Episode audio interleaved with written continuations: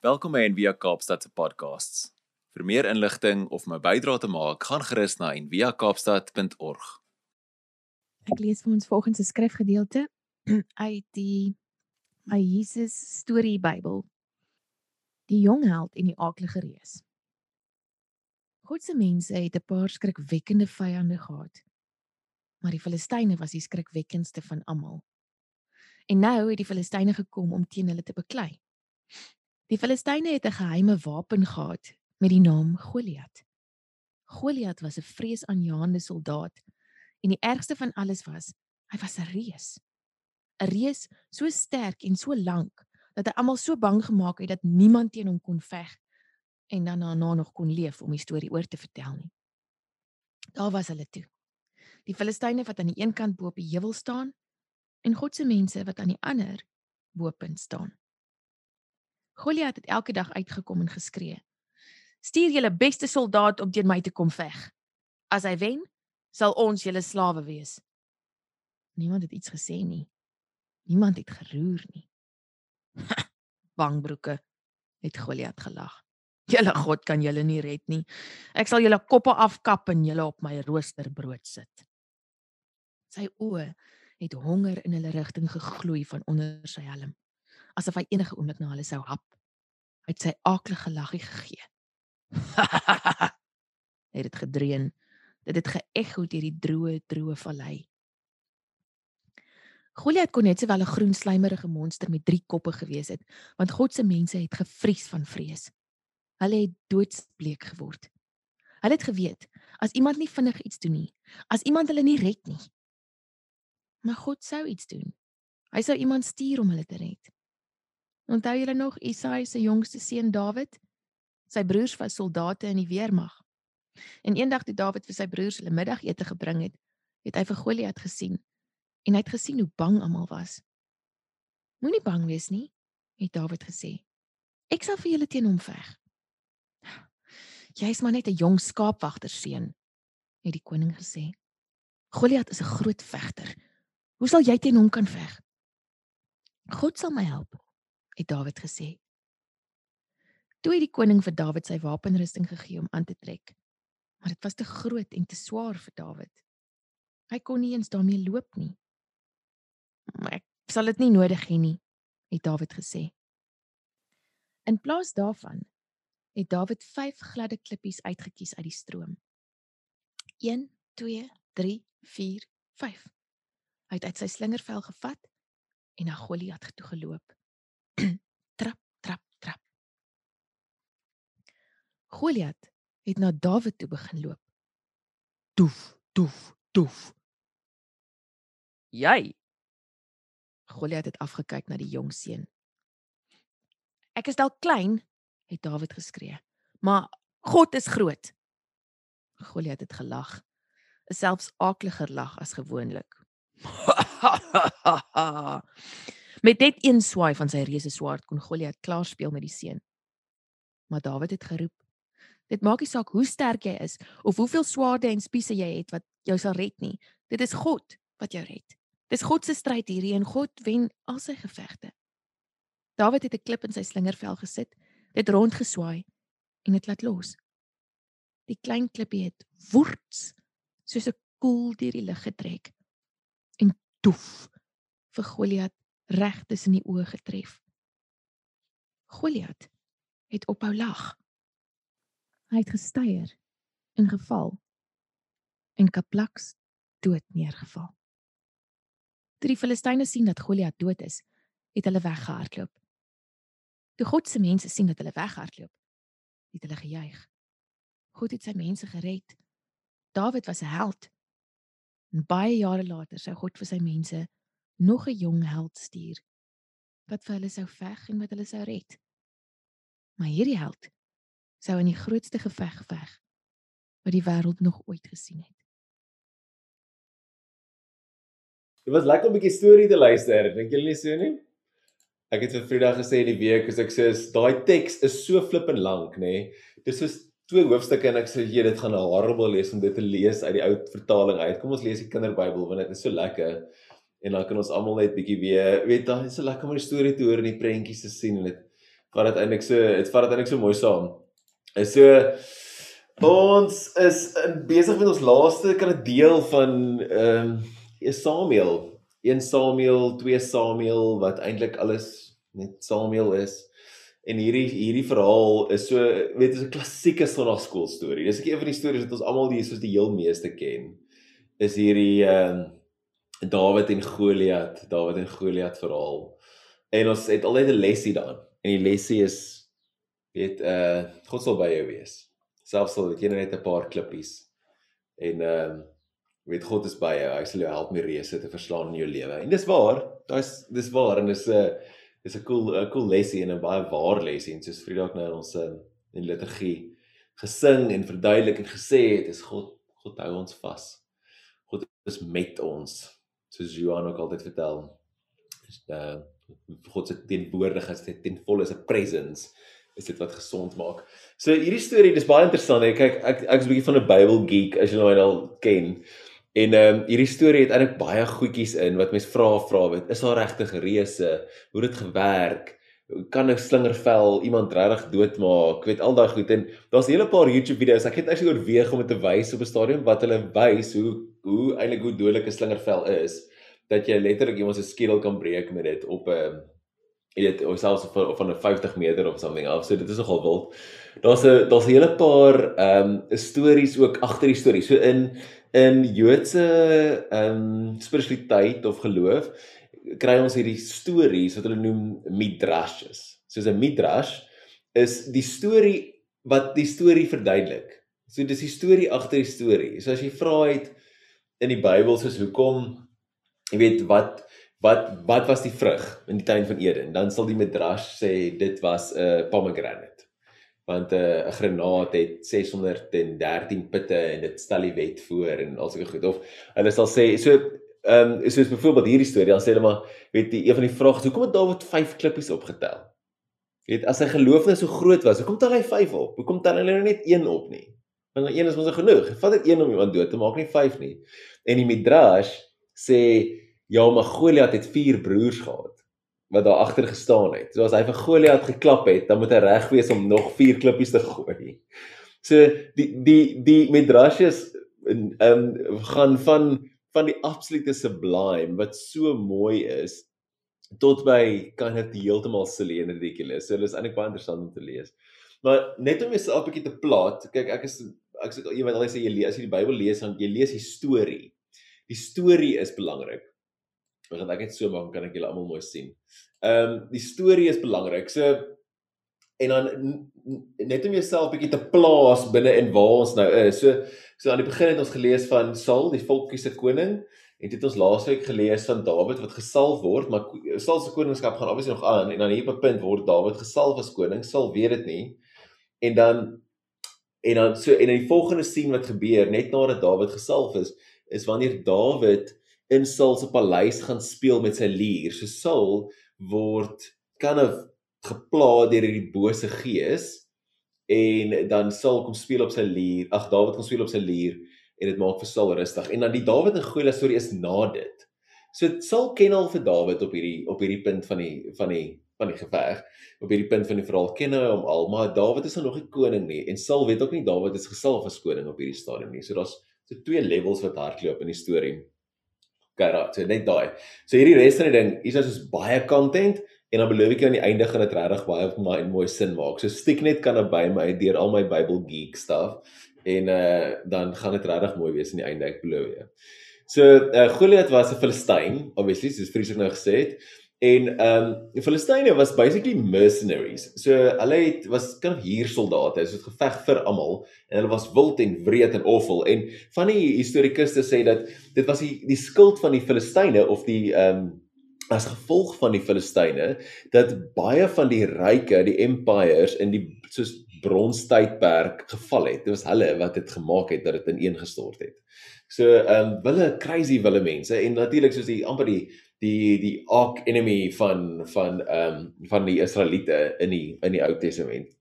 So of een van die.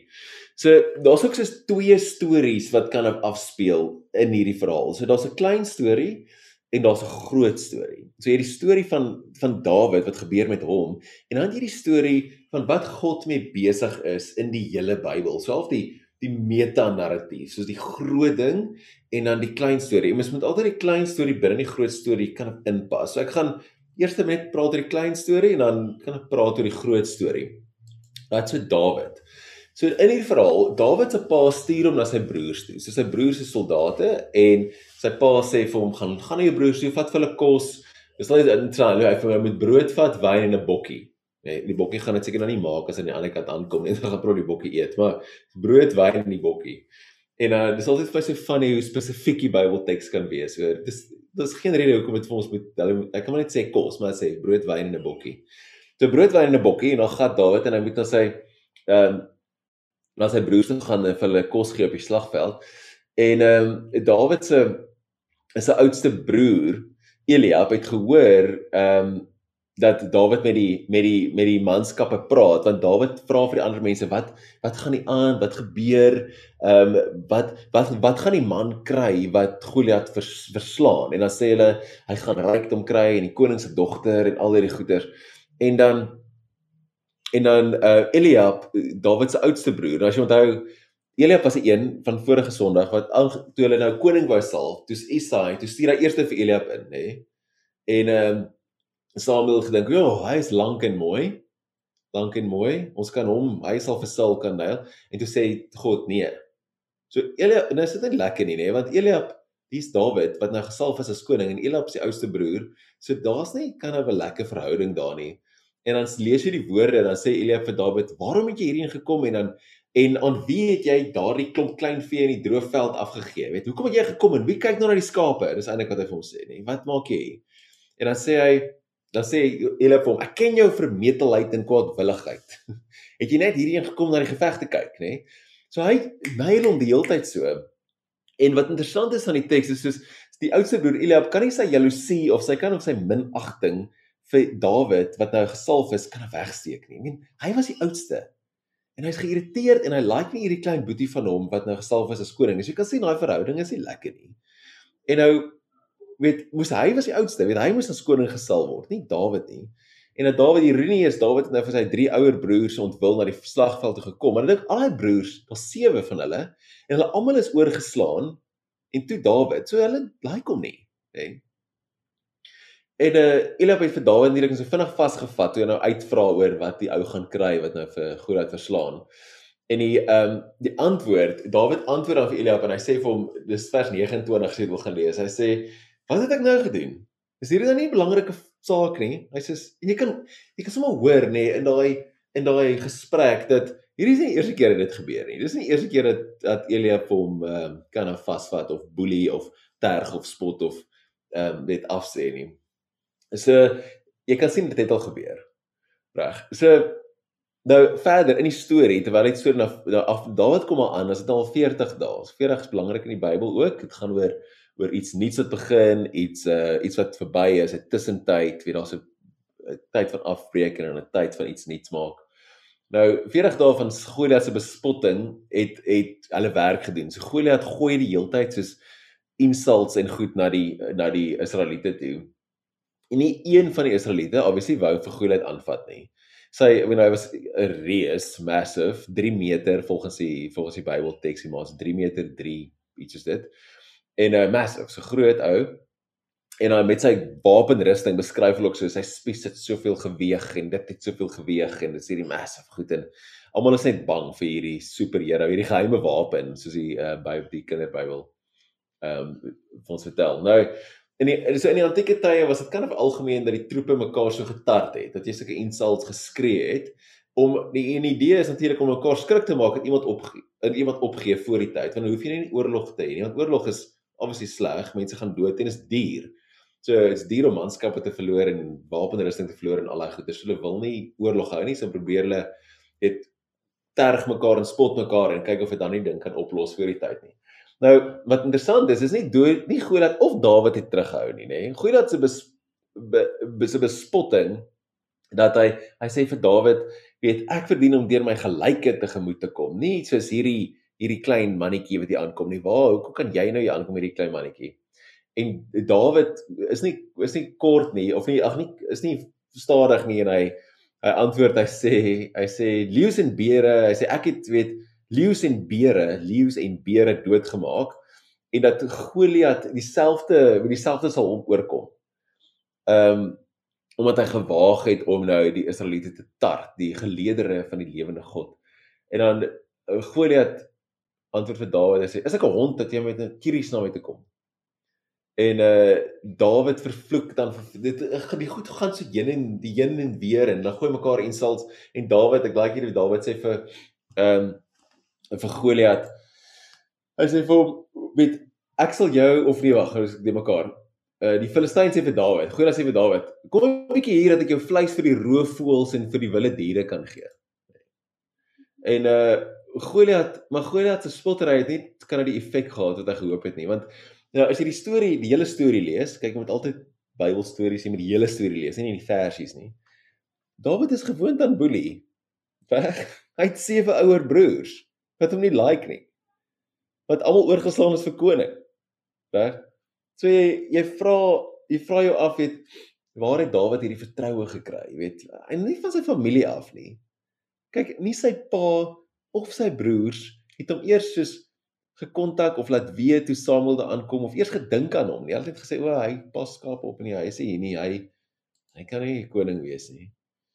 En dan so Dawid se sy vertroue en hierdie goedspa van hom, hierdie braafheid van hom kom van van tyd in die veld spandeer, van tyd saam met die Here spandeer. Daai hy sê as ek hom vra maar hoekom sal jy hoekom sal jy Goliat verslaan? Dan sê hy die Here wat my gered het uit die kloue van die leeu en uit die kloue van die beer, hy sal my red uit hierdie mag van hierdie woestyn.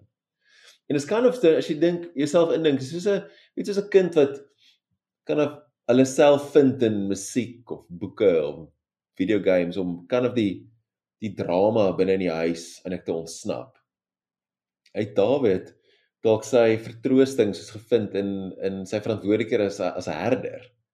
Weet as hy bewaarder van die familie se skape. Met niemand aan sy kant nie behalwe God en die skape nie. En daar mold God hom en hy maak iets van hom in daai konteks wat eintlik so onvanpas is. En dan ehm um, so daai is een ding. Dawid leer sy vertroue en sy sy ervaring kom uit sy skaapwagtery uit, nie uit by sy familie waar mens dit verwag nie kom van 'n ander plek af. En dan um, nog 'n tweede vreemde storie wat ek love, is my favourite stories in die Bybel, is daai 1 Samuel 16 aan die einde, net na Dawid se salwing. Dan eh, kry Saul hierdie boosaardige gees. Nou die teks sê die bose gees kom van God af, né? Nee? So daai is nou dit's eintlik 'n hele ander storie ook, maar die bose gees kom van God af en dan dan wil Saul wil kalm word en dan sê een van sy raadgewers vir hom: "Hoorie, wag 'n bietjie. Ehm um, ek ken iemand En ek love hierdie line. Dit sê ek ken 'n man wat 'n lier speel. Weet hy's 'n hy's hy's 'n mooi die teks sê hy's 'n mooi man en 'n dapper vegter. Ek ken 'n man wat 'n lier speel. En nou God gebruik Dawid, nie Dawid se salwing en Dawid en Samuel en Dawid se reg en goed nie. God gebruik Dawid se lierspeelery om hom in die paleis te kry. Ek ken 'n man wat 'n lier speel.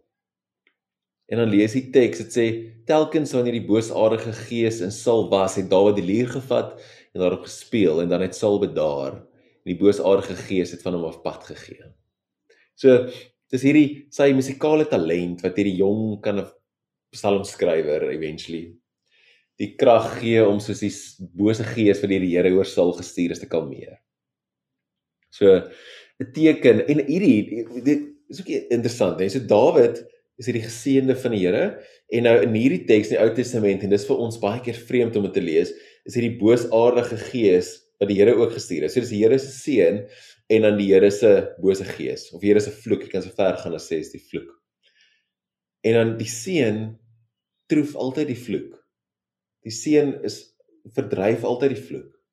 En daai lei ons eintlik net daai idee, daai konsep lei ons eintlik in of in groter storie in.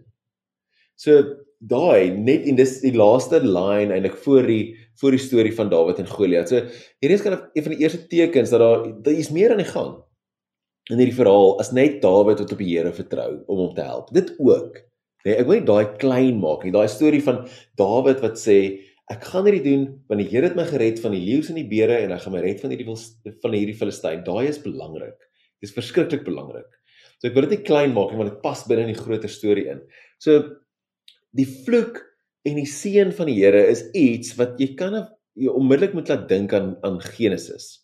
So in Genesis God seën die mense en na die sondeval dan lees die verhaal hy dan plaas hy 'n vloek oor hulle. Weet die mense sal werk en die sweet van jou aangesig, die vrouens sal met pyn geboorte gee, daai goeders. Maar die ding wat hierdie storie ons net kan 'n bietjie van 'n blik op gee, 'n bietjie oopskeer is die Here se seën is altyd groter as sy vloek tussen aanhalingstekens. Vloek die die resultaat van sonde, die resultaat van wegwees van God af. So die Here se seën trump altyd sy vloek of sy woede. Die Here se genade is altyd groter as sy woede. So ek ek het altyd 'n bietjie van 'n probleem daarmee as mense sê ja, maar daar God is nie kwaai nie. As ek sê God is kwaai. God is kwaai. Ons het sy goed gebreek. As iemand my goed breek, dan raak ek kwaai. Reg? Maar God se liefde is groter as sy woede. Sy genade is groter as sy as sy straf, as sy as sy kwaadheid. En dis kan die punt heeltyd. So hou daai in gedagte, daai idee, nê? So daar's so 'n idee.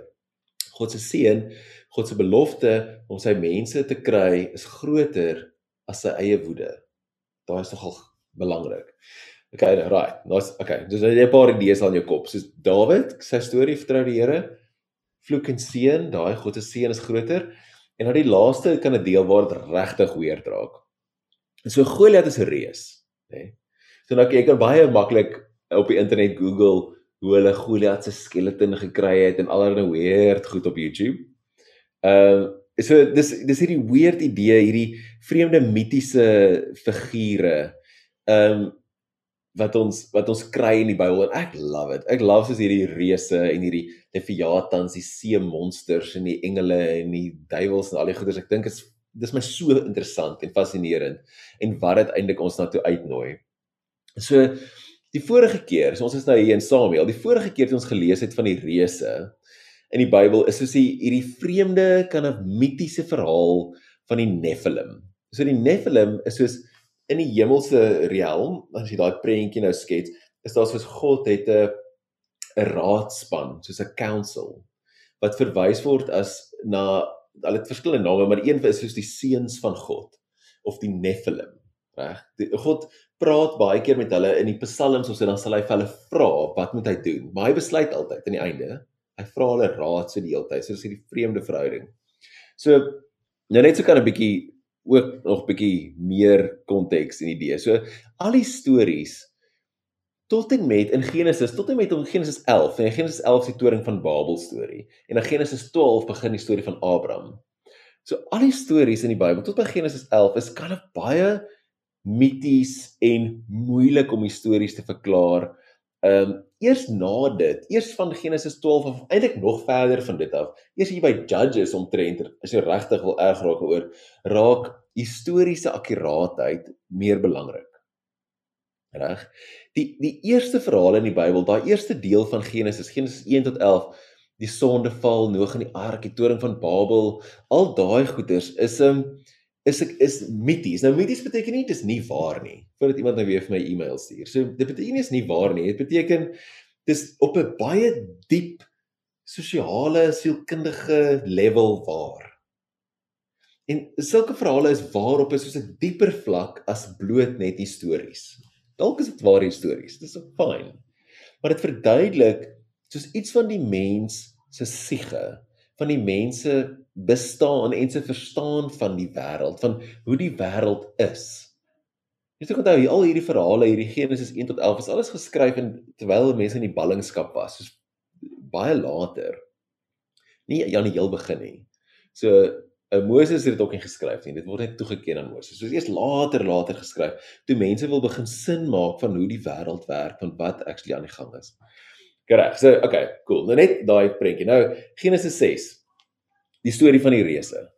Dit sê Genesis 6 lees, dit sê toe die mense begin baie word het op die aarde en daar vir hulle dogters gebore is, het die hemelwesens, Nephilim, die seuns van God, die hemelse raadspan, raadsman hè, gesien die dogters van die mense is mooi. En het hulle getrou met die dogters van hulle keuse. Reg? Weird story. Reg? Super weird story. Toe sê die Here, my gees sal nie meer so lank in die mens bly nie want hy sterflik. Sy lewensduur sal nou 120 jaar wees. En dan gaan dan raak dit nog as jy dink dis weird, dan raak dit nog weirder. Dit level up nog so eentjie. Dit sê dit in daardie tyd was daar reëse op die aarde. En ook daarna wanneer die hemelwesens na die dogters van die mense gekom het en kinders by hulle gehad het. So so hulle en dan die, die ek glo weer die laaste deel. Hulle sê hulle was die sterk mense van die ou tyd. Die die 83 vertaling sê die manne van naam, nê? Nee? Is dit nie cool nie? Die manne van naam, die sterk mense van die ou tyd, die manne van naam. En dan voel dit my so ek ken so 'n paar mense hier in die stad wat nou ek sal die manne van naam Okay, so daai dalk klaar vir jou kan 'n bietjie 'n klou gee hoe hulle was. So ek weet kan ek weet nê, hierdie is 'n sprong. So om van Dawid en Goliat storie af te kom tot by die reëse in die Nephilim in Genesis is so ons eintlik mission dwars deur net so klomp tekste en aannames en goeders om eintlik uit te kom. So ek weet ons ons amper sê ek ons blik deur nou so klomp goeders en deur so klomp stuk wetenskap ook. Maar kan of stik net met my want hierdie is eintlik amazing. So Ons werk net so rukkie met die reus, hierdie reus verwysing. So reus saam met Dawid. So Goliat, die reus saam met Dawid. Dawid die gesalfde. En dan jy hierdie reuse in Genesis 6 wat die mense gebruik en verlei, die vrouens verlei gebruik en kinders by hulle het. En dan het jy die gevolg nadat dit gebeur, dan maak God die mense se lewens korter. So in hierdie storie van die reuse word gevolg deur die storie van Noag en die ark. Reg?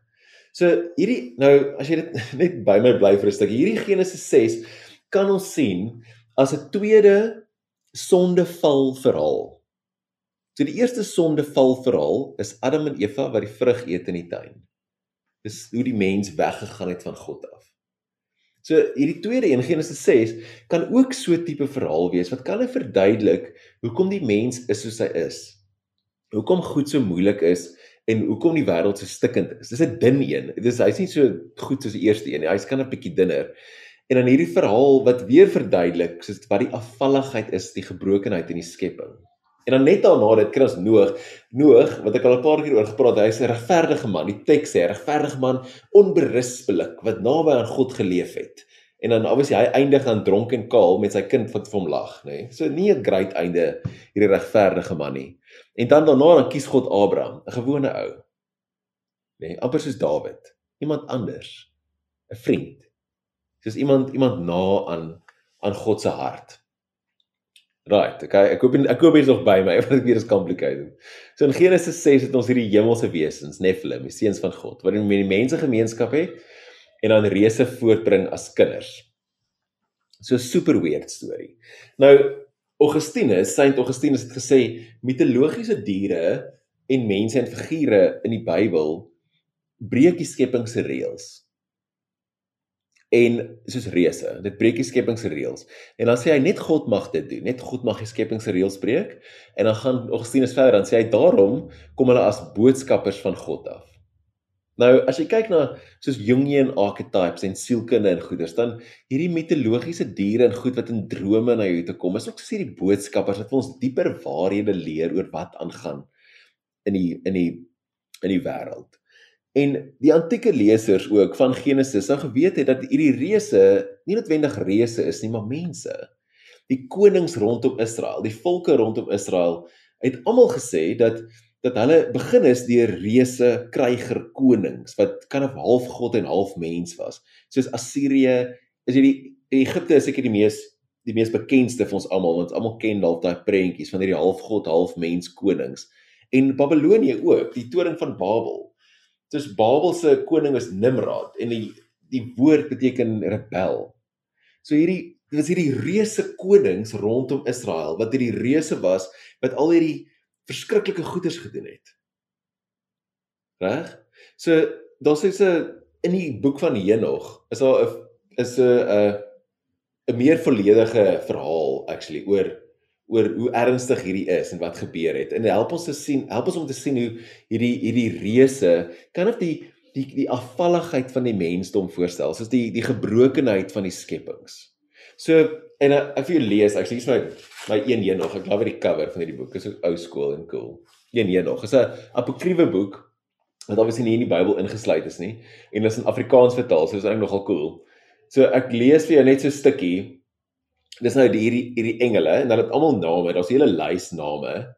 Ehm um, die bekendste is seker Azazel wat van julle dalk sou ken. Maar nou dan praat dit oor hierdie engele. Nou sê dit en hulle het aan die vroue towerspreuke en betower en betowerings geleer, hè? Dan word 'n uh, witchcraft, die dark arts, hè? En dan hier is my cool. Toe ek dit lees, toe lag ek lekker. Dit sê die die engele het ook vir hulle geleer hoe om wortels te sny en aan hulle die geheime van plante bekend gemaak. Ek sê, "Ha, vegans. Dis wat dit is. Ek is dis waar dit vandaan kom." dis ek sê. Dit ek sê nee nee nee, okay, moenie iemand met 'n fence vat nie asseblief, want dit is nou nie sin toe gaan nie.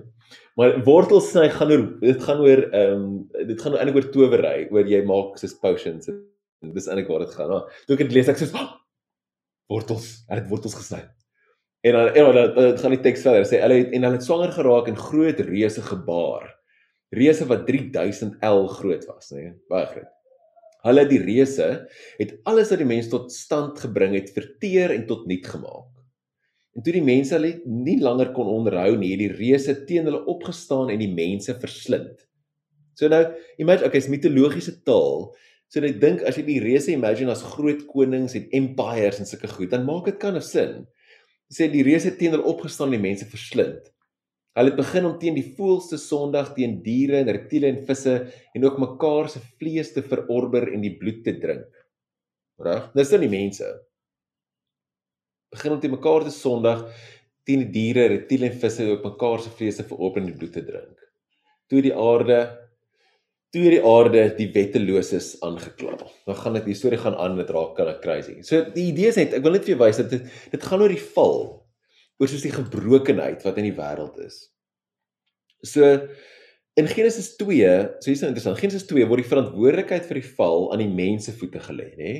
Adam en Eva se skuld. In Genesis 6 word dit by die voete van hierdie hemelse wesens gelê en gesê dis julle skuld dat die wêreld lyk soos dit lyk die gevalle is, die gevalle engele, reg? So nou dwars deur die Bybel is daar 'n groter storie aan die gang, 'n groter ding. En wanneer ons by Jesus uitkom, soos Frida nou, ek glo hoe daai kinderbybel sê ook so geëindig het dat die man wat uiteindelik die groot geveg veg. Dan sien ons as ons die evangelies lees, dan sien ons dat hierdie selfde verhaal speel uit. Daar is 'n stryd nie net oor mense se persoonlike keuses en moraliteit en goed nie, maar daar's 'n stryd tussen lig en donker op 'n geestelike, kan of universele vlak en dan ook op hierdie persoonlike mense vlak. 'n Groot storie en 'n klein storie. Reg? Hooplik begin goed kind of nou sin maak. Groot storie en 'n klein storie. So as ons om hierdie om hierdie drama, hierdie storie wat ons lees Dawid en Goliat nog meer te meer interessant te maak en ons kan nog nader aan Goliat te bring. So die reuse oorleef op een of ander manier die vloed nê? Nee, Daar's so 'n kind of a not so not so sub not so subtle contradiction binne in die Bybelteks eintlik want jy die reuse, dan is die vloed waar almal doodgaan en dan na die tyd jy weer die reuse, as dit is okay, hoe hoe dit gebeur. En dan sal natuurlik die Midrash wat dit verduidelik, Joodse rabbi wat sê nee nee nee, een van die reuse het vasgehou aan die kant van die ark. Nee, dis letterlik wat dit sê. een van die reuse het vasgehou aan die kant van die ark en dis hoekom hulle na die tyd nog daar is. Ons ek dis Okay, whatever.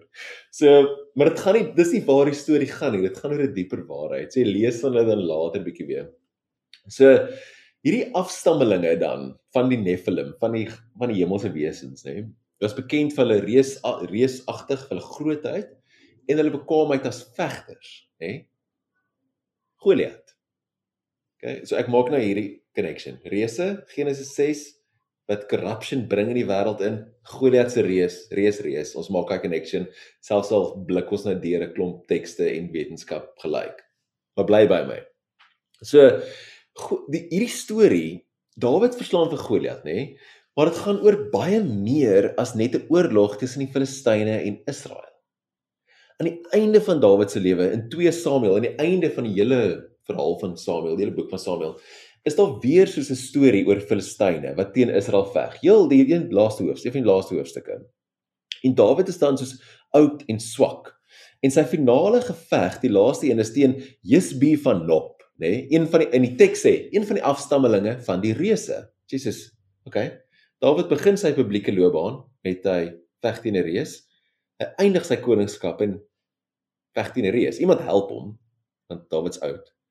Een van sy soldate maak hier afstammeling van die reuse dood.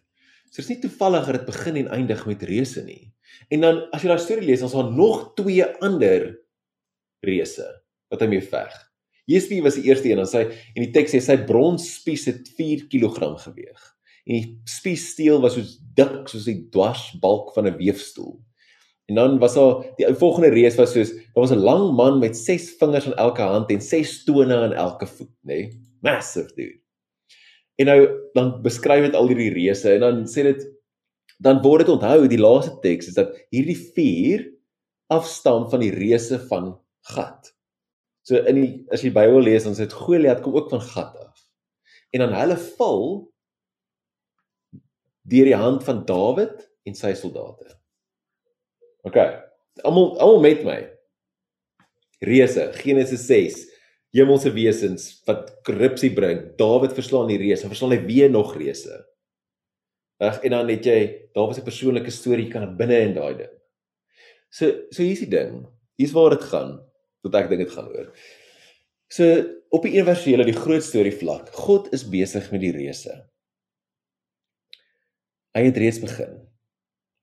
Inteendeel, soos Jesus het reeds gewen. God is besig om te werk met die bose in die wêreld. God het 'n plan om die bose te oorwin. God is is betrokke in die geskiedenis.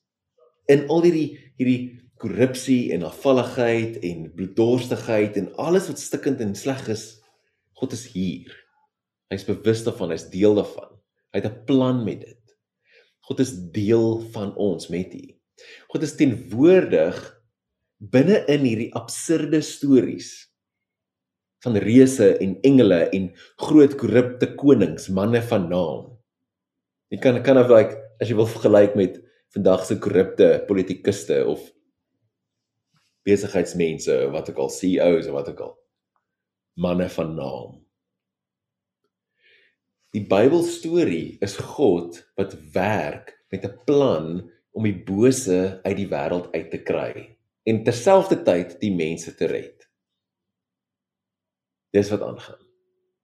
En ek dink daai is vir my so mooi. Dis my so lekker om dit raak te sien binne in sulke stories, sulke kinderkraan stories, sonnaskool stories soos Dawid en Goliat en te sê, dit gaan nie net oor hierdie een weer storie nie.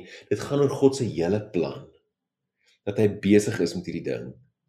Dat om sy koninkryk te kom vestig wat ons ook van deel is. En dan die klein storie binne in dit.